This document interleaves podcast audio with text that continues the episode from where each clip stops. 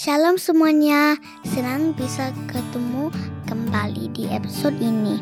Selamat mendengarkan Mami Puspa dan Dedi Resa di podcast Keluarga Katolik. Happy New Year!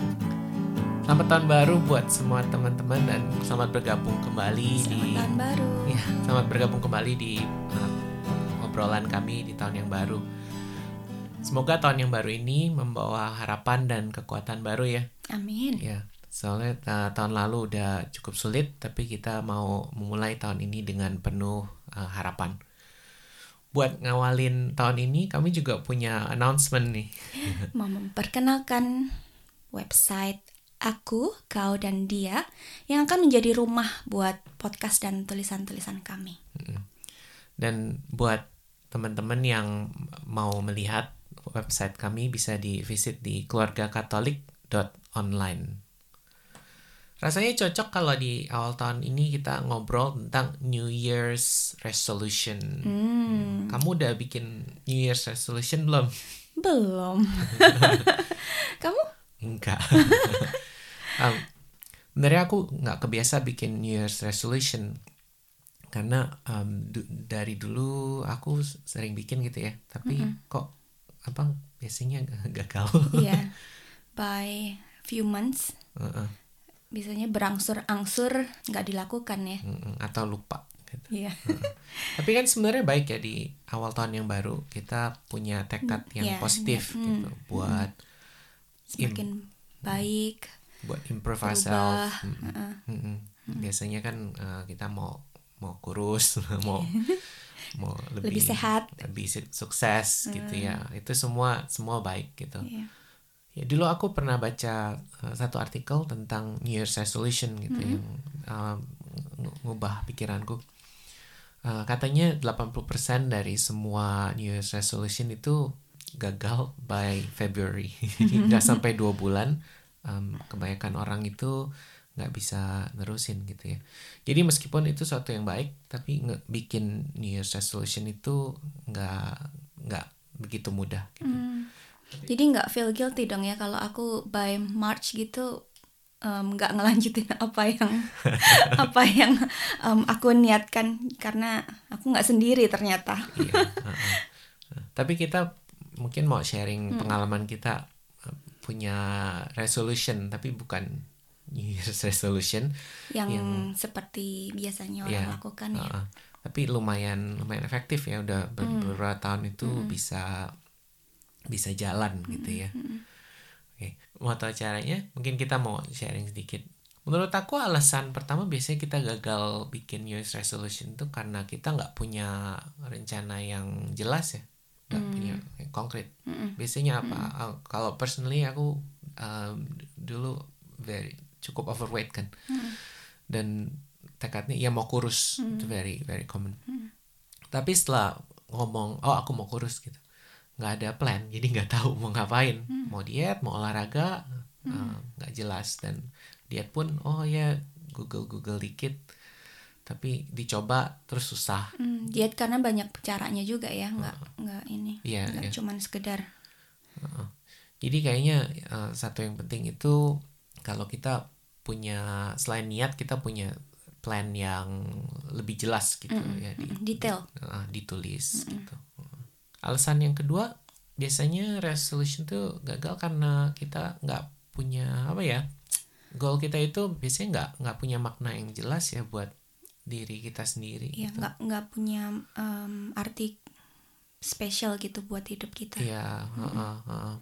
Jadi ya cuman sekedar eh, sesuatu yang baik, yang em, tapi kurang meaningful. kurang meaningful buat kita. Mungkin yang resolution kita itu sedikit beda karena Cara yang kita pakai em, mungkin ya nggak nggak sama sama yang kayak orang-orang oh mau kurus, mau ini, mau itu gitu. Kita satu tahun kita ngobrol dan kita kayak janji gitu eh, challenge each other untuk belajar something new aja gitu.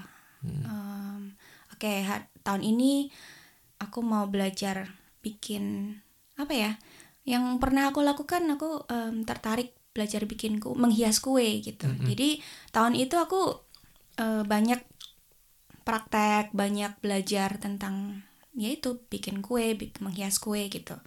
Aku ingat kamu em, ada waktu kita bikin eh, pasta ya bikin mie bikin pasta pakai sendiri scratch gitu nggak nggak beli gitu. Jadi tahun itu kita banyak belajar banyak coba resep. Iya, beli banyak tepung. iya.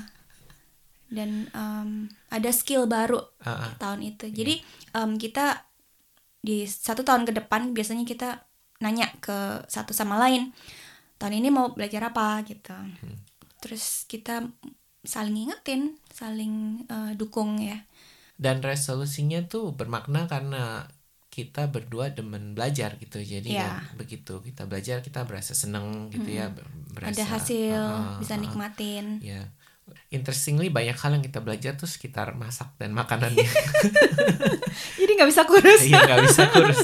Tapi nggak apa-apa karena ada makna. Kita em, merasa bisa bikin makanan kalau anak seneng juga happy Ya, kan. ya. Uh, uh, bi- mereka bisa nikmatin gitu. Anak kita suka kadang-kadang bilang, "Oh, who's who cooked this?" gitu.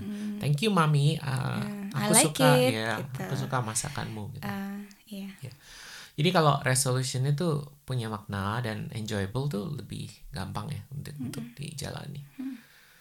Alasan terakhir biasanya resolution gagal itu mungkin karena kita merasa kita harus bikin resolusi ya atau merasa left out ya karena oh Nggak bikin resolusi. bikin resolusi. semua orang bikin gitu ya ntar, ntar ditanya sama teman udah bikin belum gitu Iya. Nah, apa resolusimu Resolusinya jadi apa? kita kayak merasa ada kewajiban punya gitu ya Ya.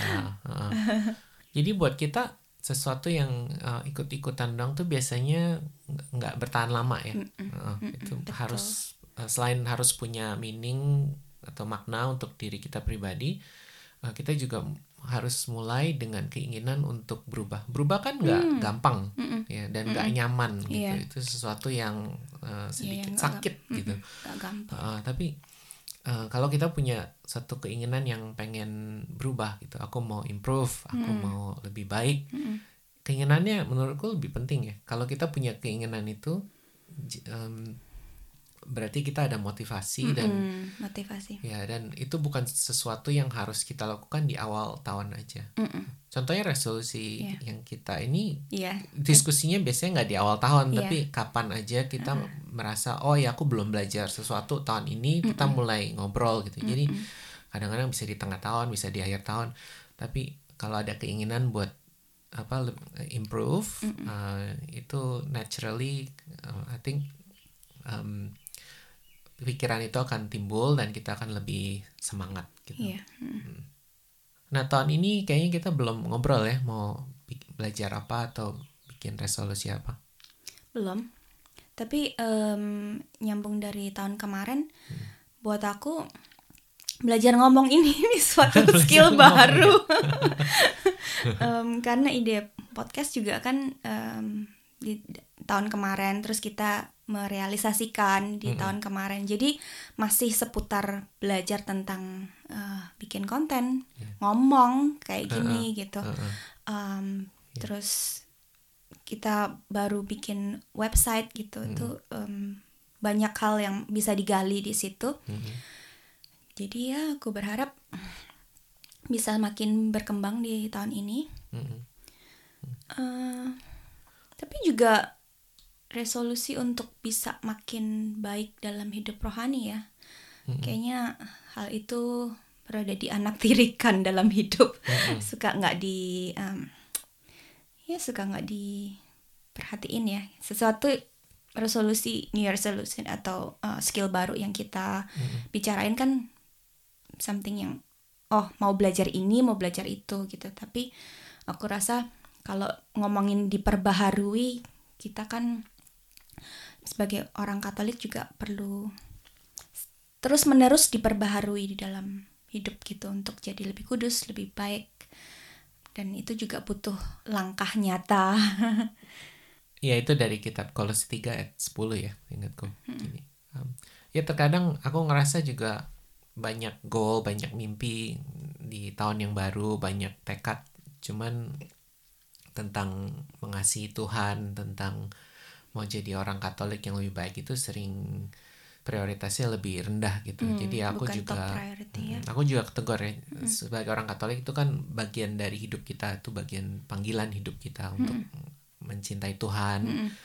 mencintai sesama, Iya. um, memperbaiki diri hidup lebih kudus gitu dan itu sesuatu yang harus kita usahakan gitu. Dan aku ngerasa oh ya a- apa resolusi imanku buat Mm. tahun ini gitu. Belum tahu, mungkin kita bisa ngobrolin lagi gitu. Ya. Jadi gimana? Eh, resolusi teman-teman apa? Kalau belum ada, nggak apa-apa, nggak usah feel pressured. Tapi semoga di tahun yang baru ini kita uh, punya tekad yang baru, semangat yang baru buat uh, memperbarui diri dan Tubuh jiwa roh ya. tubuh jiwa dan, dan roh dan uh, ya semoga Tuhan memberkati usaha kita semua. Amin. Amin. Seperti biasa kita mau um, berdoa bersama ya. Dalam nama Dan Bapa dan Putra dan Roh Kudus. Amin. Tuhan, terima kasih buat tahun yang baru. Kami masih um, Kau perkenankan menikmati tahun baru. Terima kasih buat kekuatan kami bisa melewati tahun 2020.